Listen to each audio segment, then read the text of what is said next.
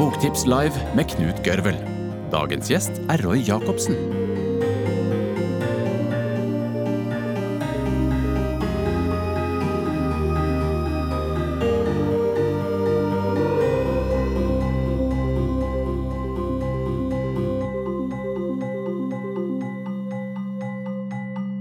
For noen få uker siden så eh, var det 30-årsjubileum for en av de viktigste bøkene i norsk samtidslitteratur.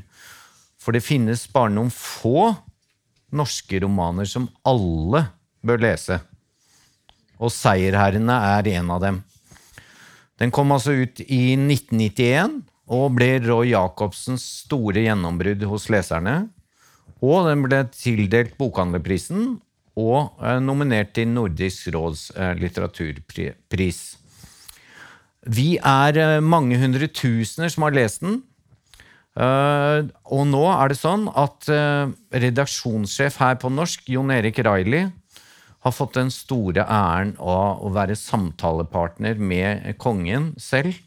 Så ta godt imot seierherren Roy Jacobsen og Jon Erik Reilly.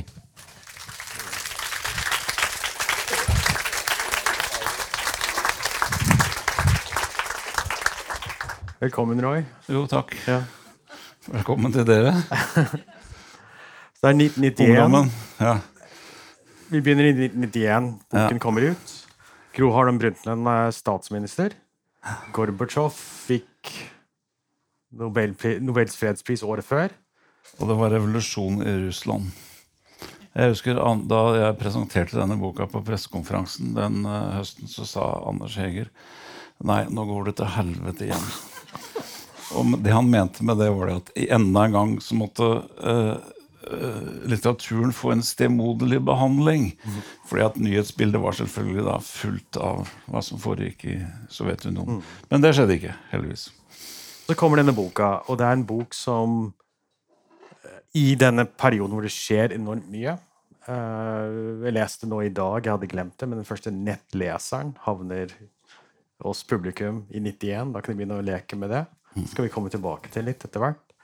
Men så kommer denne boka som skuer bakover og prøver å oppsummere eh, enorme omveltninger i norsk historie. Kan du si litt om hvor det begynte for deg med den boka? Hva du så for deg? Eh, det, det, det begynte vel ikke for meg før omtrent midt i denne boka at jeg begynte å skjønne at jeg, at jeg satt på et eller annet som var veldig viktig. Eh, og det, det, handl- det handler om at jeg begynner alltid bøkene mine med rett og slett bare å mumle meg i vei med en vag idé, og så se hvor det bærer hen. Men så har vi dette faktumet at dette demografisk ganske homogene samfunnet Norge som gjennom århundrene har eh, Hvor den ene generasjonen etter den andre har levd erfaringene til forrige generasjon. Etterlegnet pappa og mamma, lært av dem vist visdommen deres, kunnskapen deres, det manuelle og det åndelige.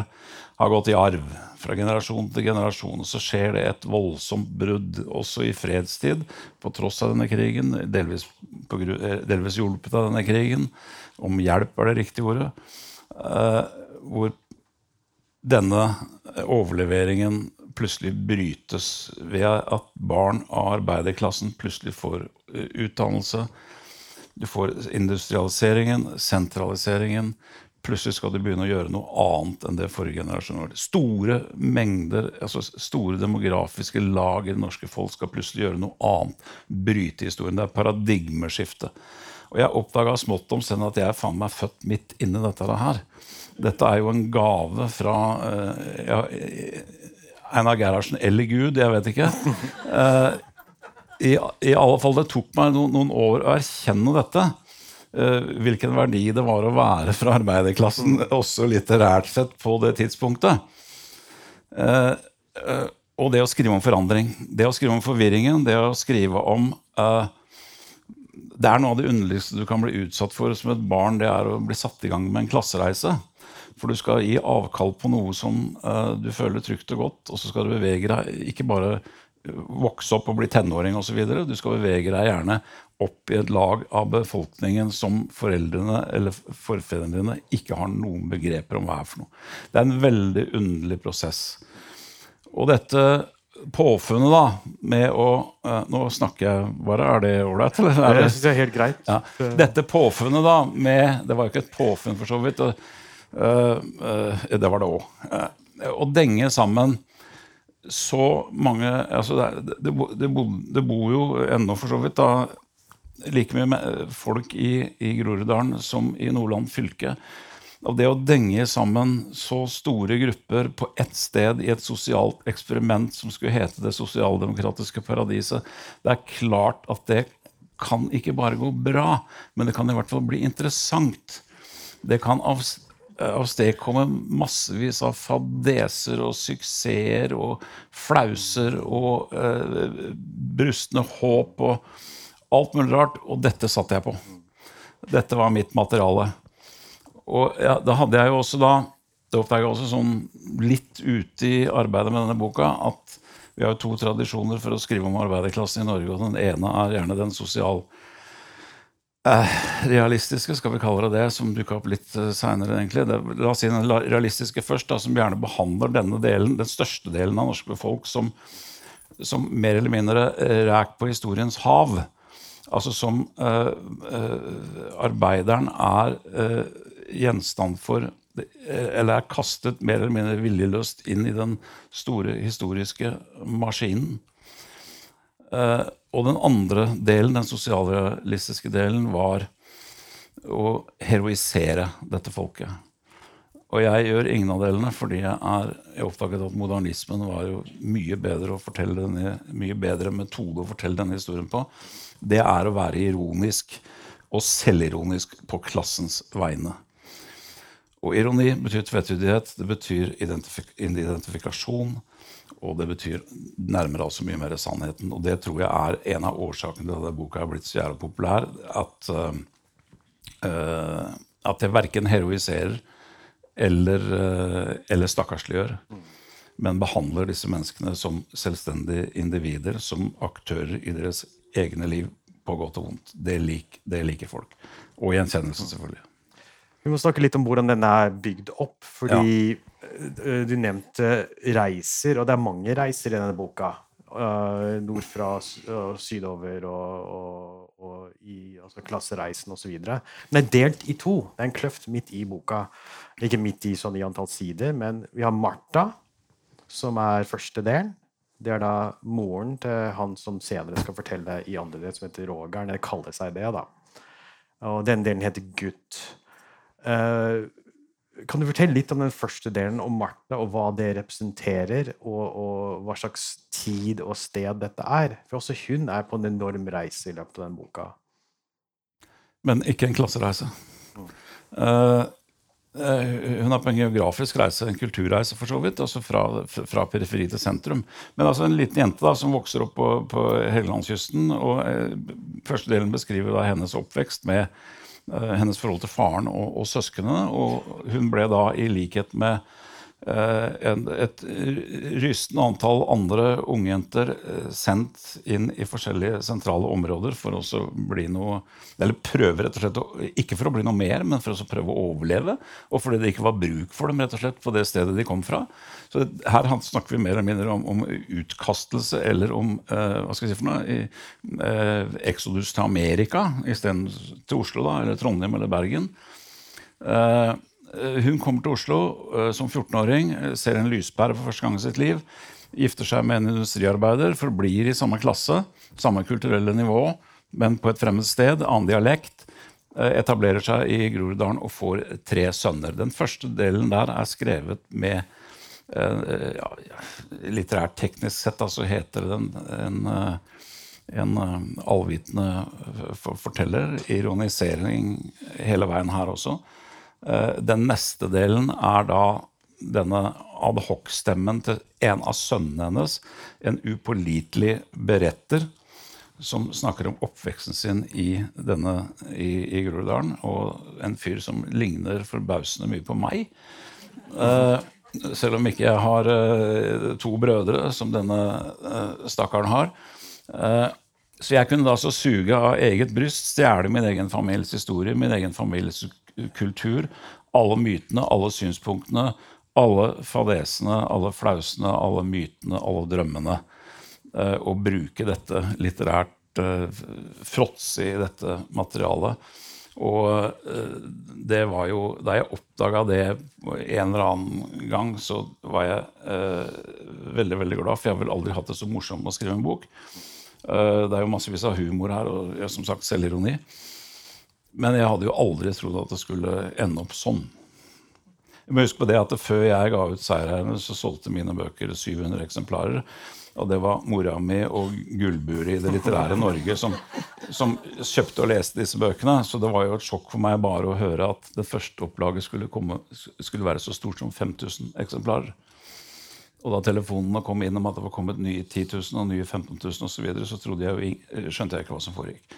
Men det var, eh, så sånn sett, som Min rolle som forfatter da, så, så er det et før og etter, eh, etter seierherrene. Også det derre bruddet med det litterære hegemoniet, det senteret, liksom, Elfenbeinstårnet. Og det å bli eh, Treffe så mange lesere som ikke har det forholdet til litteratur som dem jeg hadde eh, omgås med før, hadde. Og det, Dette med Nord-Norge er jo uh, enormt viktig senere i forfatterskapet også, naturligvis, i bare i bøkene. Det som ja. slår meg her, er jo du har jo ofte beskrevet hvordan det var å, å, å kjøre helt opp til, til, nord med familien og ferie. Mm, og, og, i boka så er det så, altså, Det beskrives som månen i hvert fall to ganger. At hun er fra månen, Martha. Og opplever det selv. da, At hun er så langt unna, uh, unna kulturelt og ellers at uh, Oslo virker som et helt, helt annet sted. Kan du fortelle litt om så er det for mange som kanskje ikke kjenner til dette, de yngre, hvordan det var å komme til Oslo som nordlending på den tiden. Nei, det, det, det, det aner jeg ikke, holdt jeg på å si. det må ha vært, eh, må ha vært et, et, forfriskende syrebad av en annen verden. Eh, nå var det det at det var veldig mange av disse jentene. Så vi har jo den rariteten i vår familie at min mor og en, en søster, og to søstre én eh, søster og, og tre kusiner. De flytta noenlunde samtidig til byen. Eh, og de alle sammen jobba i, som hushjelp i et eller annet borgerlig hjem. og var livredde for å gjøre noe galt, og de fikk høre at de fikk ikke lov å betraktisere sin egen dialekt. Vi vet jo, vi vet jo viktig det er i hvert fall noenlunde å snakke sitt eget språk. Og, og, så moren min snakka hele livet, lærte seg allerede den gangen å snakke et sånt flatt østnorsk. Mens uh, den ene kusina hennes holdt på dialekten gjennom hele livet. Og jeg er ikke sikker på om det var av ideologiske årsaker, eller om hun rett og slett ikke var veldig tilpasningsdyktig, men hun var i hvert fall et sentralt muntrasjonsråd i familien så lenge hun levde. Uh, uh, og de, da de damene skulle ut på, Da de våga seg ut på byen to-tre år, fire år seinere kanskje, da, på Grefsensetra eller på Offisersforbundet eller sånt, for å sjekke gutter, så greide de alle fem å sjekke opp eh, fem gutter fra samme guttegjengen fra Sandaker. Sånn at når jeg vokste opp, så hadde, så, hadde, eh, så hadde, faren min levd i sammen med onklene mine lenger enn han hadde levd i sammen med mora mi. Og var mer fortrolig med deres uh, urbane arbeiderklassebakgrunn enn han var med, med mutterns. Og, og, dette var interessant for meg å vokse opp i. og så hver, Hvert år så var det da denne såkalte ferien. Og det viste seg å da være en, en, en, en uendelig lang reise nordover med, med, med, med, en bil som eh, alle satt inn i den bilen og røkte sigaretter. ikke sant? Og de lurte på hvorfor søstera mi og jeg var bilsjuke.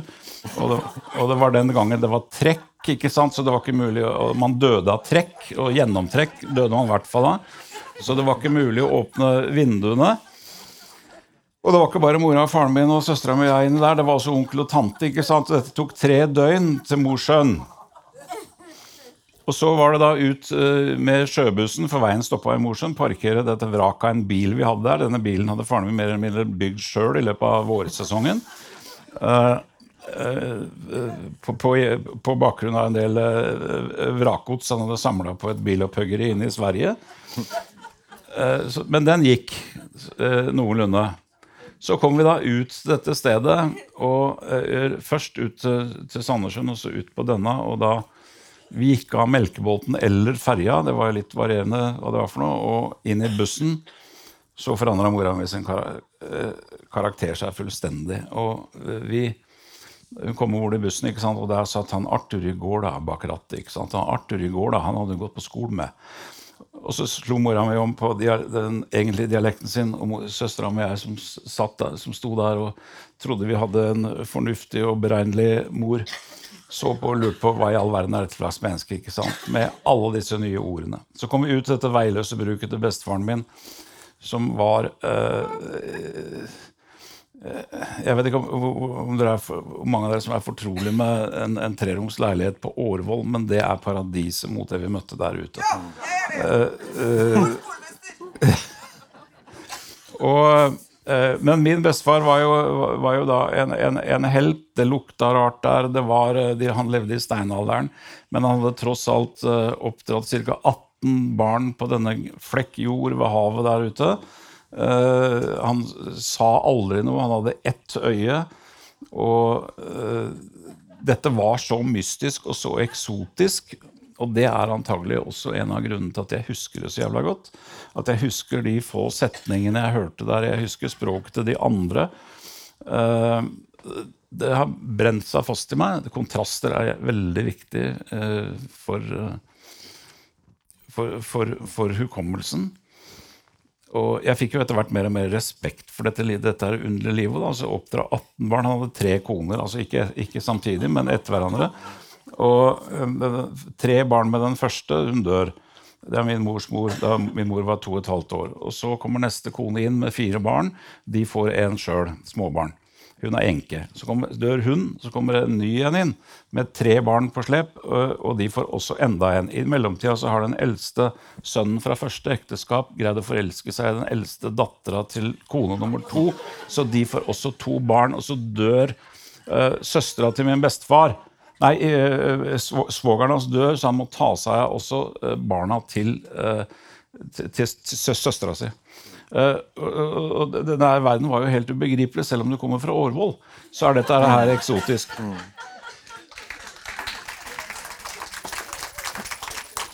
Men Roy, tilbake til En, en annen ting, bare si det. Altså, det var jo no, Noen enkeltindivider på Årvoll var privilegerte. Vi hadde bl.a. en som levde av å selge maling i Tyskland, og vi hadde eh, som dro til, til, til, Tyskland på ferie. Vi hadde en som hadde foreldre som hadde penger nok til å dra på tivoli i Danmark. Og de kom hjem på, i, på skolen ikke sant, og hadde masse beretninger om hvor fint det var å være på ferie. Jeg husker at jeg fortalte ikke veldig mye fra Nord-Norge. Det var ikke noe å skilte med. Men tilbake til boka og dette med, med, med Rogeren. da. Hva slags person er dette? her? Du nevnte at han er upålitelig. og uh, Idet vi opplever det skiftet, så er det plutselig en jeg-forteller. Og han nærmest kategoris... Ka, altså, deler av boka er nesten en katalog over alle de tingene han har opplevd. Det er tannlegekontoret, ja. det er gymsalen, det er alt. Katalog Frem mot han, han til slutt finner det som blir hans arbeids... Uh, det han jobber med da som boksen. Uh, men hva slags figur er dette her? Nei, det er, det er, jo mitt alter ego, eh, for så vidt. Men det har vært veldig, har vært veldig befriende å ikke uh, skrive en biografi. Men late som om jeg er Rogern. Altså, jeg, jeg uh, har jo uten tvil en del felles trekk med, med, denne, med denne, fyren. Uh, men, men det, det, betyr også at altså, en, en ting er å bruke historien, en ting er å ikke la seg binde av den altså forplikta den. Så, så, det er jo noen uh, Eller hva skal jeg si det, det, brokker av levende modeller i denne boka. Uh, men bare brokker.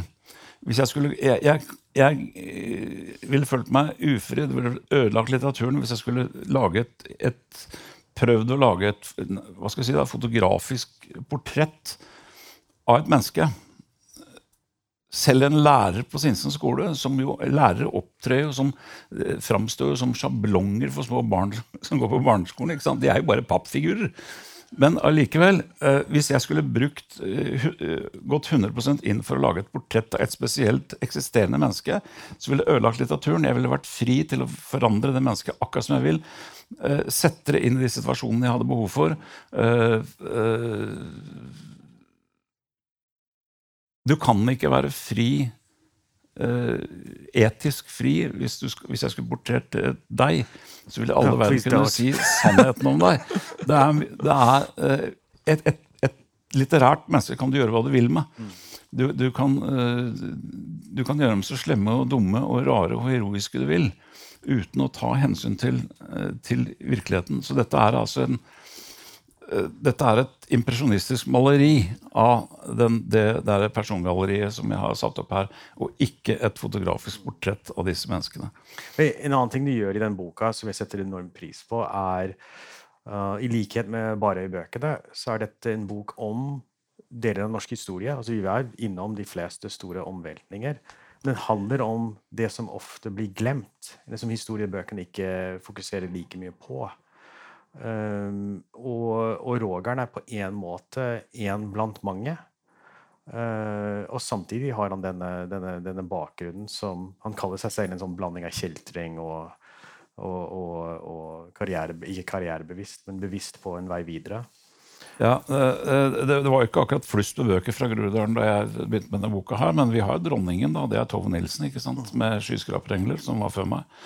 Men uh, fra Bøler, eh, hvor tante bodde, for øvrig. Men det, jeg, jeg sto relativt, relativt, fritt.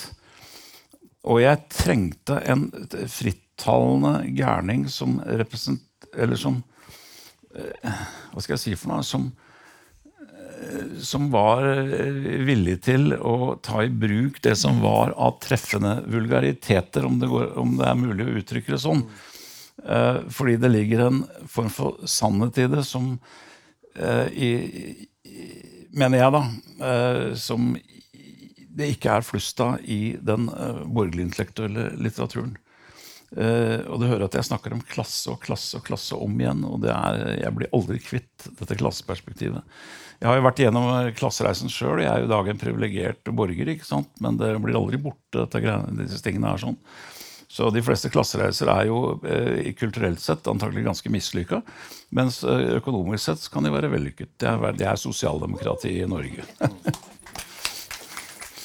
Men eh, Vi må nærme oss slutten her. Men jeg har lyst til å spørre litt om han Rogeren. For han begynner etter hvert i et slags datafirma med, med broren sin. Og vi nærmer oss eh, den perioden hvor det virker som eh, ja, vel- velstand er mulig overalt. Um, men det jeg lurer på underveis, da, mens jeg leser den siste halvdelen av boka, er Altså, boka har ofte blitt kalt Eller noen tror kanskje, hvis de ikke har lest den, at eh, den er en sånn ren hyllest til sosialdemokratiet. Men Rogeren er jo enormt kritisk. Men Nei, hvem, altså, hvem er det, er han jo, det er, det er jo, det er, Stemmen er jo, er jo veldig grei.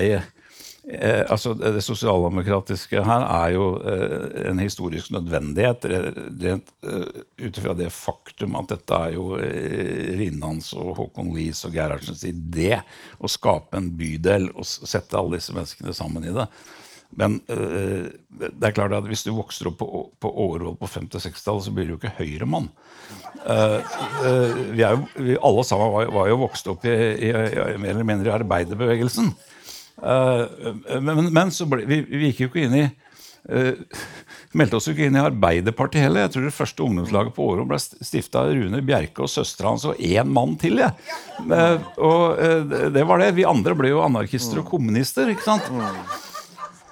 Så, og det- er perspektivet har jo Rogern beholdt. da. Det er jo, det er jo en opposisjon til, altså, til uh, til alt, egentlig.